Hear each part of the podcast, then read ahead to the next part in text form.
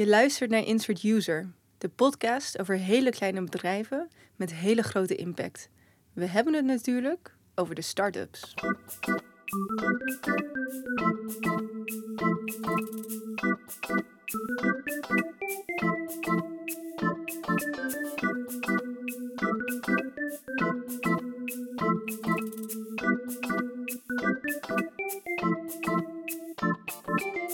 Hallo, ik ben Evelyn.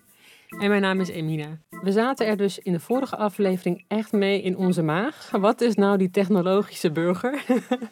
Hoeveel moet je kunnen weten uh, of kunnen uh, om jezelf dat keurmerk te mogen geven? We vroegen op Twitter wie ondervraagd wilde worden over hun technologische burgerschap. En de reacties stroomden binnen. We hebben toen heel snel een checklist in elkaar gezet met vragen over bijvoorbeeld of je op Facebook zit, je eigen server draait, maar ook vragen over uh, of je het gevoel hebt dat de overheid je constant aan het bespieden is. En, en voor je het weet heb je dan eigenlijk al een soort van show, toch? Ja, de techno-burgershow zoals jij ja. hem gecoind hebt.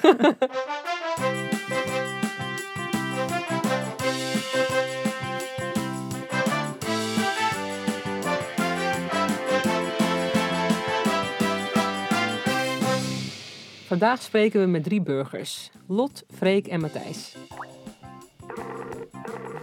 Ja, hallo? Hallo. Dit is Freek, hallo. hey, jullie weten wat er vandaag gaat gebeuren.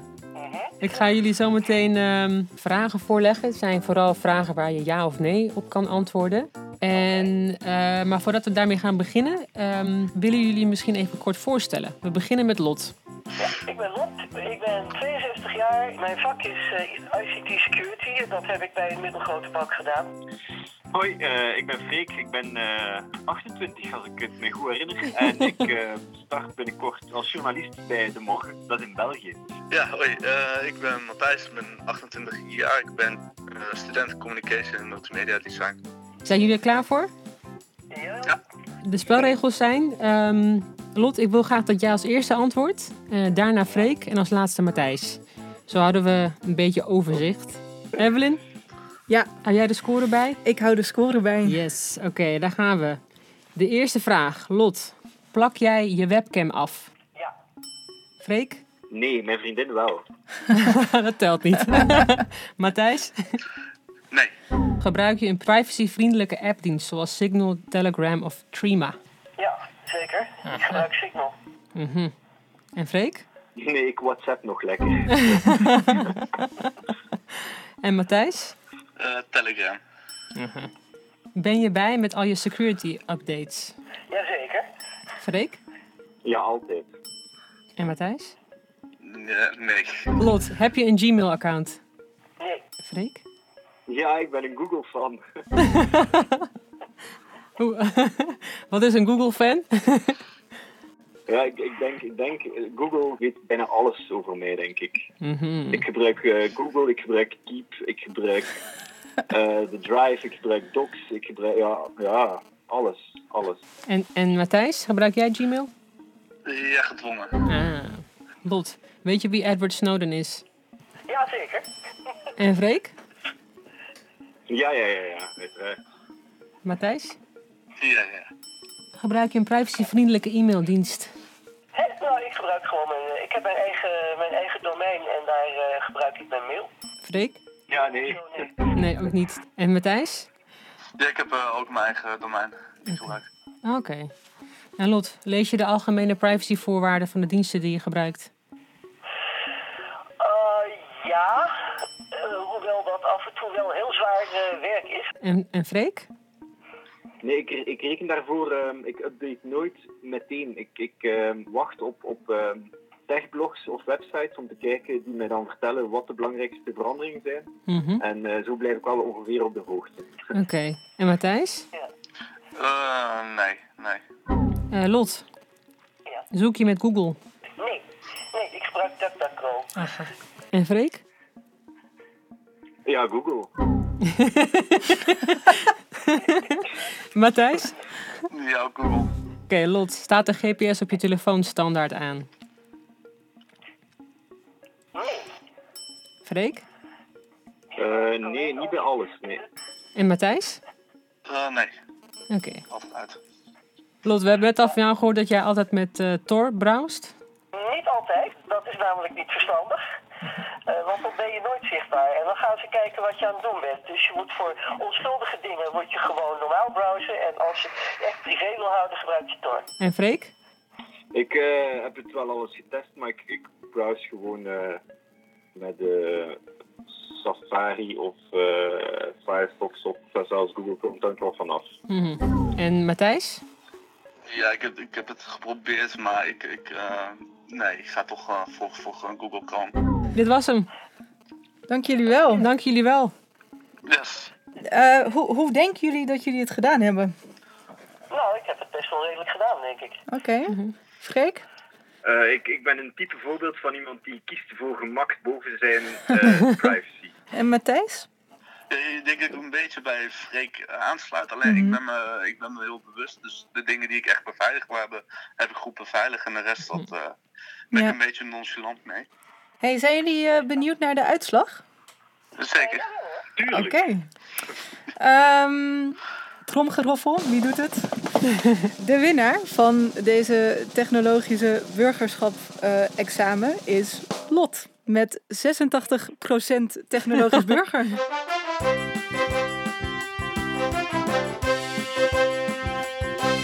Gefeliciteerd, Lot. Gefeliciteerd. Daarna komt Matthijs met 46%.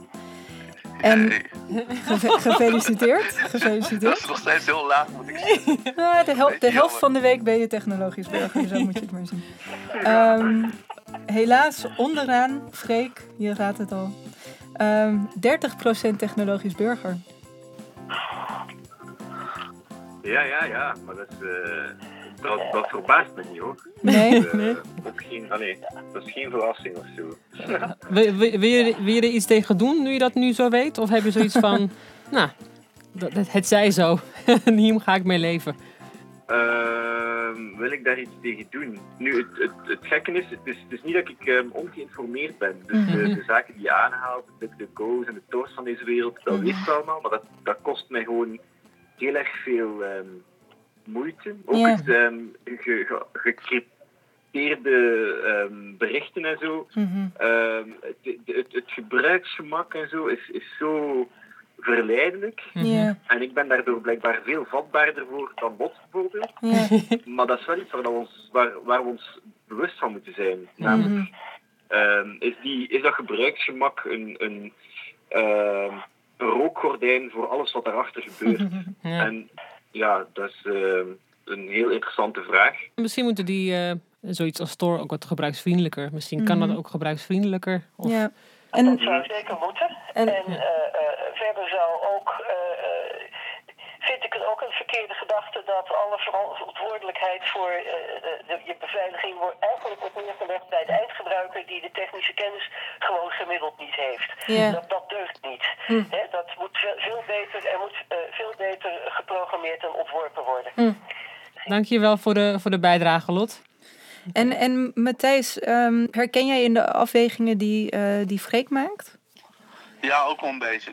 Ik- ben ook wel een beetje hypocriet, want ik ben heel erg iemand die nou, zeg maar offline dan meer de strijd aangaat. Qua dat Mhm. ik, ik ben actief geweest voor Piratenpartij de vorige verkiezing, omdat ik het gewoon belangrijk vind dat de politiek, dat er iemand bewust is van eh, nou, het online gebeuren. Want ik vind dat het is eh, echt schaamtelijk als je nu eh, Tweede Kamerleden hoort over internet. En Mhm. daar mag een stukje bewustwording zijn. Dus ik, ik- Mhm. alleen, ja, dan maak ik mezelf ook, ja, ik zet mezelf buitenspel door dingen te preken die ik zelf ook niet doe. Om het zo te zeggen. We gaan, we gaan afscheid van jullie nemen. Dank jullie wel voor het meedoen. En, eh, Dank jullie wel. Jullie horen van ons in de volgende aflevering. Ja, Ja, ben heel benieuwd en eh, succes met de aflevering. Yes. dankjewel. Is goed. Doei. Tot ziens. hoi. Dank Doei. u.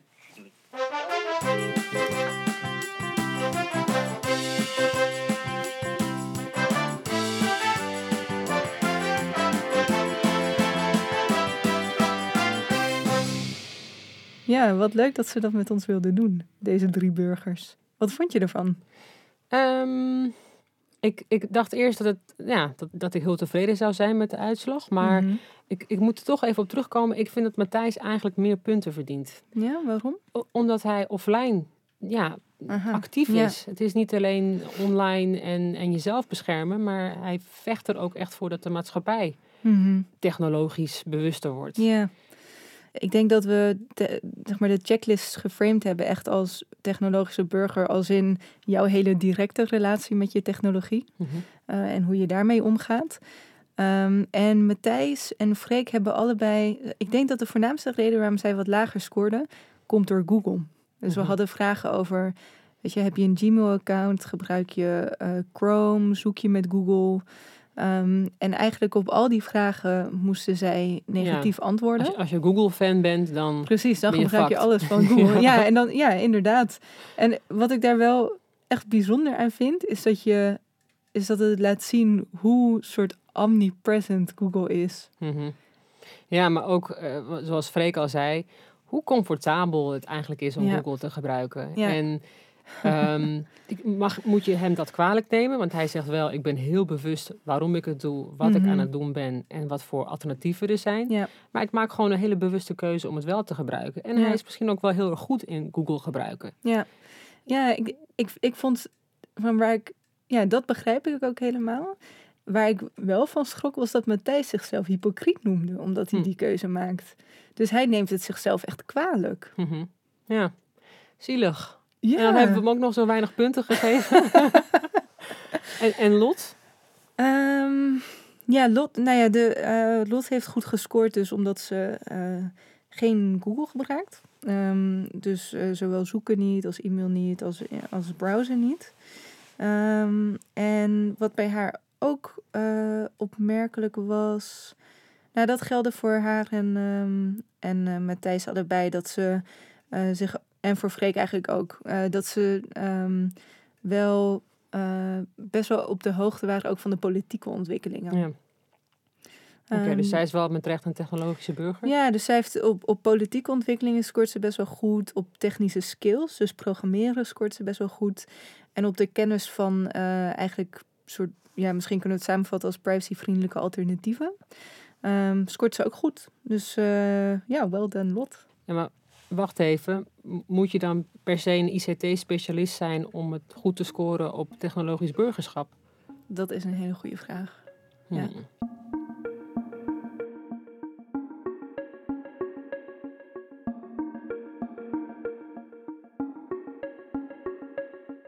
wat kunnen we hier nou uit opmaken? De technologische burger, hoe je hem ook definieert, heeft heel veel verschillende gezichten. En het is niet zo makkelijk als dat wie geen Facebook gebruikt wel om zijn privacy geeft en wie wel op Facebook zit niet. Het zijn afwegingen. Onze volgende gast, Marcia Ron, hielp me begrijpen dat het moeilijk is om het gedrag van mensen te vergelijken. En dat de conclusies die je op het eerste gezicht uit een gedrag zou afleiden, soms heel erg de plank misslaan. I guess I've always been interested in mm, how people interact with technologies and what the ethical and social impacts are of that, and how that relates to dominant discourses around health and citizenship and responsibility. Tamar is als technologiefilosoof verbonden aan de Universiteit van Maastricht. In haar onderzoek richt ze zich onder andere op hoe mensen in het dagelijks leven omgaan met health technology. So the type of philosophy and ethics that I do is what we call in the Netherlands empirical philosophy and ethics. And the idea there is that um, a lot of philosophy is done in people's everyday lives. So if we go to empirical sites, we can get a good, also a good grasp of some of the big philosophical questions. So this is based on kind of pragmatist approaches that are saying that people's interaction with the world is not one uh, of of thinking, of contem- contemplation, as much as it, as it is one of doing. That we interact in an embodied way with the world. If you take, for example, all right, so if we look specifically at values, uh, which is what I was interested in doing here, empirical ethics is going to say values are not these abstract entities that transcend experience, that precede experience. Okay, mm-hmm. values are actually enacted in what people do. Ik vind het super interessant. Onze normen en waarden, zegt Tamar, zijn dus geen abstracte entiteiten die als een soort deken liggen over alles wat we doen. Weet je, Matthijs hoeft niet te zeggen: Ik ben hypocriet. Uh, maar ze worden gevormd of ze komen tot stand in onze dagelijkse handelingen.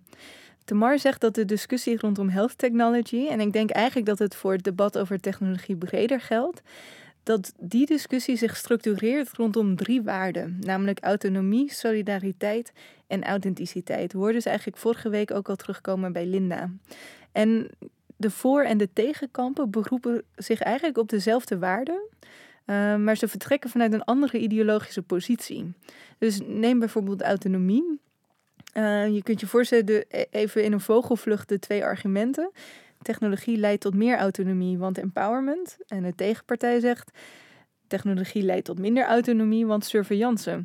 Nou ja, Tamar zegt uh, dat het een groot probleem is dat de geloofsovertuigingen die ten grondslag liggen aan die twee standpunten niet expliciet worden gemaakt. The main thing here is that I think this debate tends to configure users in unrealistic ways. Mm-hmm. So all the promises, in a sense, are predicated on this ideology of autonomous choice. Mm-hmm. That individuals are rational agents who make choices based on information, you know, and who act as uh, as consumers in a marketplace of health now.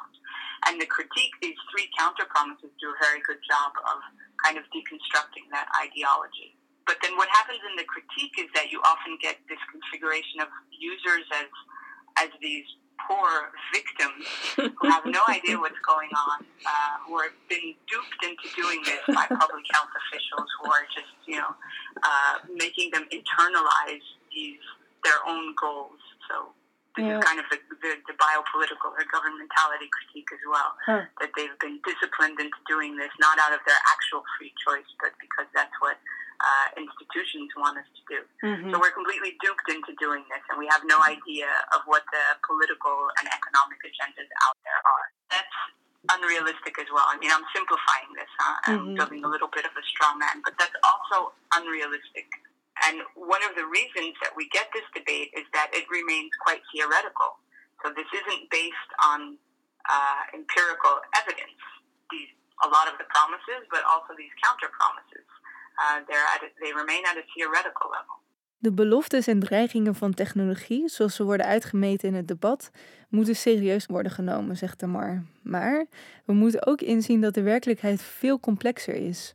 Om de echte impact van technologie op onze levens te onderzoeken, moeten we naar die levens gaan kijken. Naar de plek waar we onze normen en waarden en acten, zoals zij dat zegt. Tamar heeft met dit als uitgangspunt onderzoek gedaan naar de Quantified Self-beweging. Toch een soort voorlopersclub als het op technologie aankomt. Ik kan eerlijk waar zeggen dat bijna al mijn vooroordelen over die scene onderuit gehaald zijn. Ik voelde me tegelijkertijd slimmer en dommer na het lezen van haar artikel. Het loont echt om hem te lezen. Je kunt een linkje ernaar vinden op onze website. Over het algemeen voel ik me iets meer thuis in de tegenstanderskamp. Um, dus voor mij was een van de meest eye-opening resultaten uit dat onderzoek dat quantified selfers bedrijven gebruiken om zichzelf te bevrijden. We might tend to have this quite naive almost uh, distinction between public sector type research and private and corporations doing research and thinking that the public sector always has the public interest uh, in mind and is representative somehow of the public interest. For quantified selfers, what I've found is that they're, I mean, and this is a very kind of American or even Californian ideology, but they're more wary, in a sense, of the state governance than of the private sector. Mm-hmm. The private sector, for them, often becomes an ally in a way for liberating their data from uh, from the public sector and the state. Wow. And what this means is that we need to be open to the idea that um, citizens or individuals, in a sense, working with or sharing data with companies like Google may be a means for individuals to have more meaningful participation in health research than was typically allowed to them in traditional publicly funded research. Hmm. Uh, and that's something that I find fascinating because it kind of flips our traditional understandings of who's representing the public interest, right? Mm. So there's really, really interesting things going on here in that sense. Het is niet altijd zo dat publieke organen het publieke belang dienen en private niet. En het is ook niet zo dat er één type autonomie is die maar op één manier kan worden gewaarborgd. De vraag die we zouden moeten stellen is niet of technologie nou tot meer of minder autonomie leidt, maar tot welke type autonomie een bepaalde ontwikkeling leidt. En vinden we dat type een wenselijk type? We moeten dus voorbij de abstractheid treden als we vooruit willen in deze discussie en openstaan voor het feit dat Google voor de een gelijk staat aan surveillance en voor de ander aan vrijheid en dat beide posities gelijk hebben. En wat betekent dit dan in hemelsnaam voor de technologische burger? Als Linda zei in de vorige aflevering, als burger moet je geïnformeerd zijn over de werking van technologie en op basis daarvan kunnen kiezen. Ik vroeg hem maar hoe zij dit ziet. Yeah, I think that's always the risk here is is that the and that's why selfers are quite not very typical in that sense because they're very aware of what's going on. They're very uh, uh, they're often quite uh, data literate. And do we need to now expect that from everybody? And that's, uh, uh, I don't think that's the way to go either. That's kind of um, requiring everybody to become a, a, hacker in a sense. I think it's important today that we um, acquire more and more digital skills, but, but that's not the solution either. So we need to also find a way um, to govern this this type of economy this sharing economy in a way that individuals who are not so aware and not, don't have all these skills are also protected.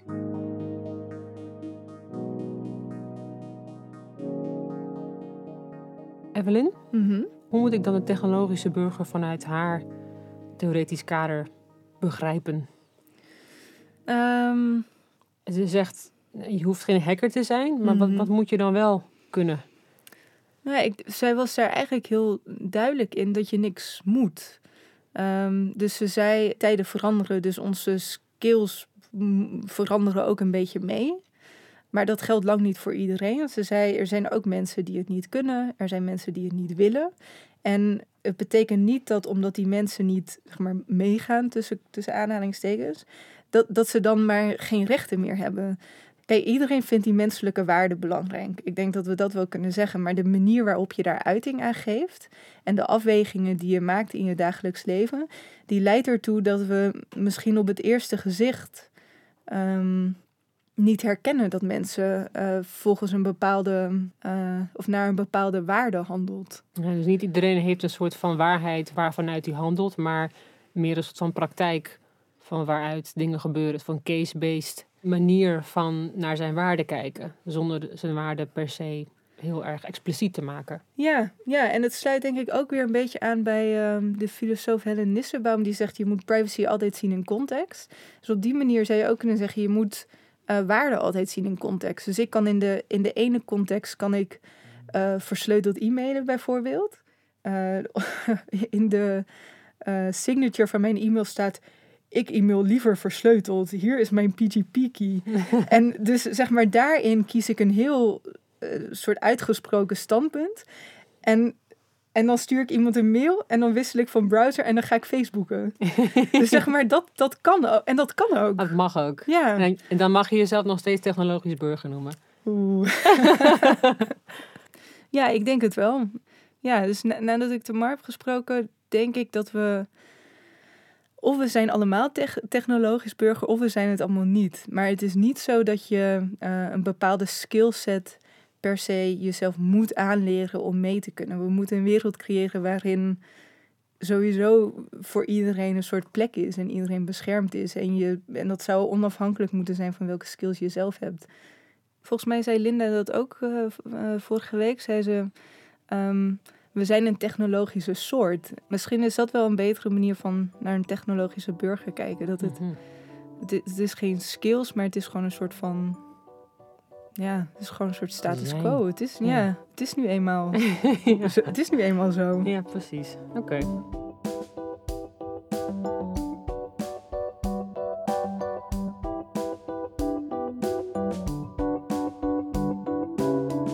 De afgelopen week ben ik heel erg gaan letten op hoe mensen met technologie omgaan. En ik besefte me dat ik eigenlijk wel iemand ken die daar verbazingwekkend bewust mee omgaat.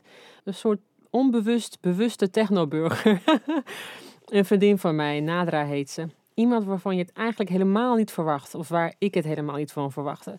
Om jullie een beeld te geven van Nadra, ze is geen geitenwolle sokken type met uh, activistische stickers op de laptop. Sorry Evelyn.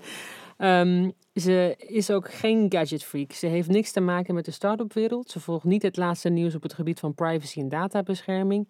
Integendeel, Nadra heeft gewoon een hele imposante collectie pumps waar ze dol op is. Ze is een vestigingsmanager bij een groothandel en een heavy eBay-user. Afdingen is haar tweede naam. Ik heb een uh, privacy scherm, ja. Je kan vanaf de zijkant niet meekijken. Uh, een vriend van mij vindt daar van alles van, want ik verkloot mijn telefoon en uh, de, hè, het mooie beeld vernachel ik met dit schermpje. Uh, maar al hoeveel vragen je niet krijgt van mensen. Hey, ik kan helemaal niet met jou meekijken. Ik zeg, nou dat klopt. Daarom dus. ik heb je door. Dat is Nadra. Ze heeft het over een soort vertroebelende sticker die je op het scherm van je mobiel plakt, waardoor mensen niet met je mee kunnen kijken. Iets wat mij pas deze week opviel. En dat is niet alles. Nadra zit al heel lang niet meer op Facebook. Ze ergerde zich aan de berichten die mensen plaatsten. Toen ze mensen ging ontvrienden, kwam ze erachter dat ze net zo goed haar hele Facebook-profiel kon opzeggen. Er bleef namelijk helemaal niemand meer over. dat zijn mensen die je kent via via of die je eigenlijk nooit spreekt. En als je elkaar überhaupt al voorbij ziet lopen, zeg je alleen maar hoi. Maar ondertussen laat je wel alles zien wat in jouw leven gebeurt. Ik ben er wel achter gekomen dat het uh, intensief plaatsen van berichten en dingen delen uit je privé, uh, dat dat soms heel nadelig kan werken. Op welke manier? Ehm, dat het tegen je gebruikt wordt. Zo heb ik een, eh, een nieuwe relatie, wat, wat voortkwam uit nou ja, een breuk met iemand anders. Ehm, dat werd intensief gevolgd op werk. Weet je, mensen die, uh, die via Facebook dingen weten over jou en linkjes gaan leggen. Er komen roddels van. En ik ben er inmiddels wel zo dat, dat ik geen social media doe al met collega's.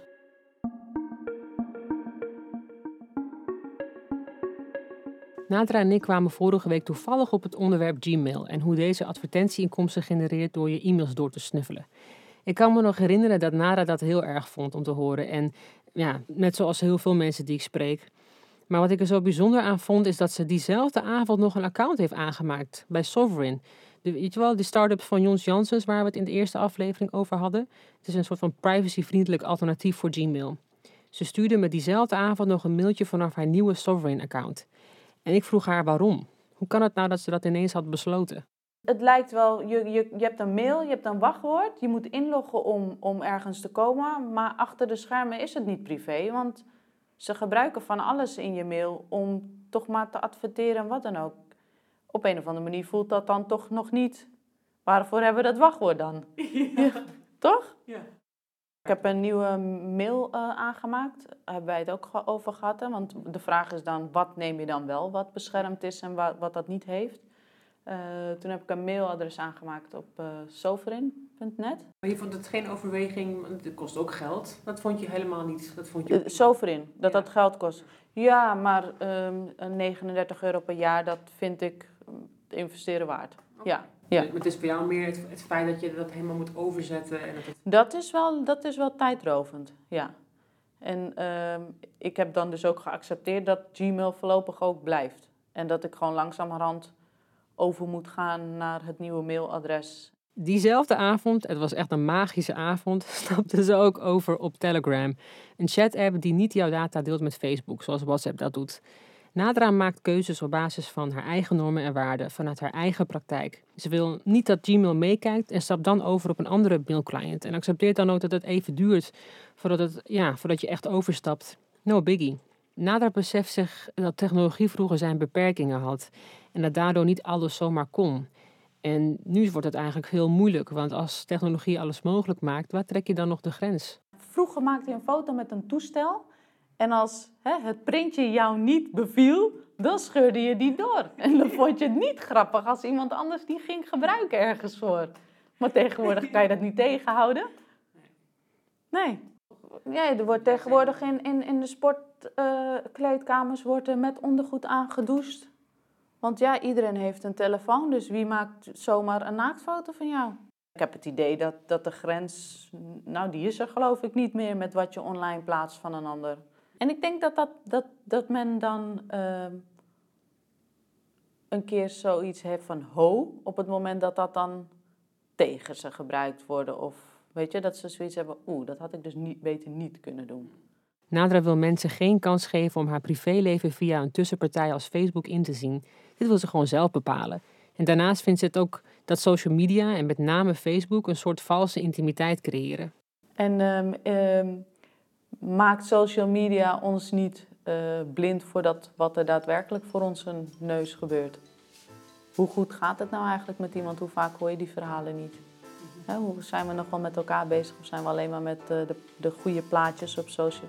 Je, je zet niet op Facebook dat het slecht met je gaat, tenminste, de meeste mensen niet. Het verdriet zet ze er niet op, alleen de joy.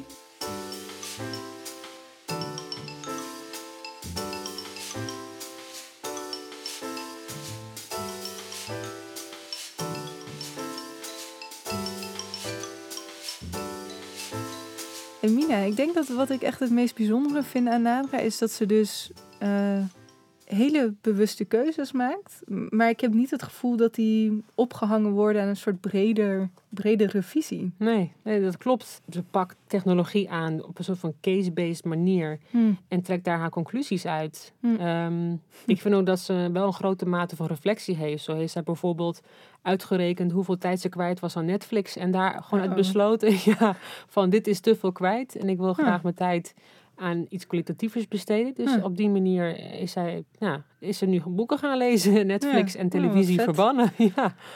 ja. Wat ik dan misschien nog wel, wat ik me wel afvraag, is, uh, we hebben nu eigenlijk gehoord over uh, situaties of aspecten van technologie waarover je als burger keuzes kunt maken. Mm -hmm. uh, en dus dan gaat het vooral eigenlijk over de diensten die je wel of niet gebruikt. Mm -hmm. um, wat je dan ook nog hebt, zijn de onderdelen van, van het internet of van technologie waar je geen invloed over hebt. Dus bijvoorbeeld of de infrastructuur betrouwbaar is ja. en veilig. Dus misschien dat daarvoor een, uh, voor die delen, voor een overheid of voor een bedrijfsleven een rol weggelegd is. Om te zorgen dat in ieder geval de context waarin we opereren en waarin we keuzes kunnen maken, dat die in ieder geval veilig is.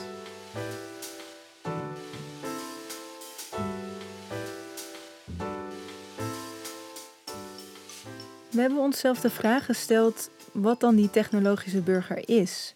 En het klinkt misschien als the easy way out, maar ik denk dat het eigenlijk geen relevante vraag is. Misschien zou de vraag eigenlijk moeten zijn: hoe kunnen we een situatie creëren waarin iemand voor gemak kiest en niet zijn privacy te grabbel hoeft te gooien? Of voor een bepaalde dienst kan kiezen zonder zichzelf schuldig te voelen daarover. Matthijs, we leven met je mee. en we hebben gehoord dat er best wel veel is dat je als burger kunt doen. Je kunt keuzes maken over welke diensten je wel en niet wilt gebruiken. Maar we moeten daarin ook een beetje gefaciliteerd worden. Al is het maar dat er alternatieven zijn waar je naar over kunt stappen. Of dat we versleuteld kunnen communiceren. Dus laten we het niet hebben over technologisch burgerschap, maar over een technologische samenleving. Hoe zou die eruit zien? Ja, en hoe zou die ook gevormd kunnen worden? Hm. In de volgende aflevering spreken we daarom met startups. Hoe kunnen zij ons empoweren?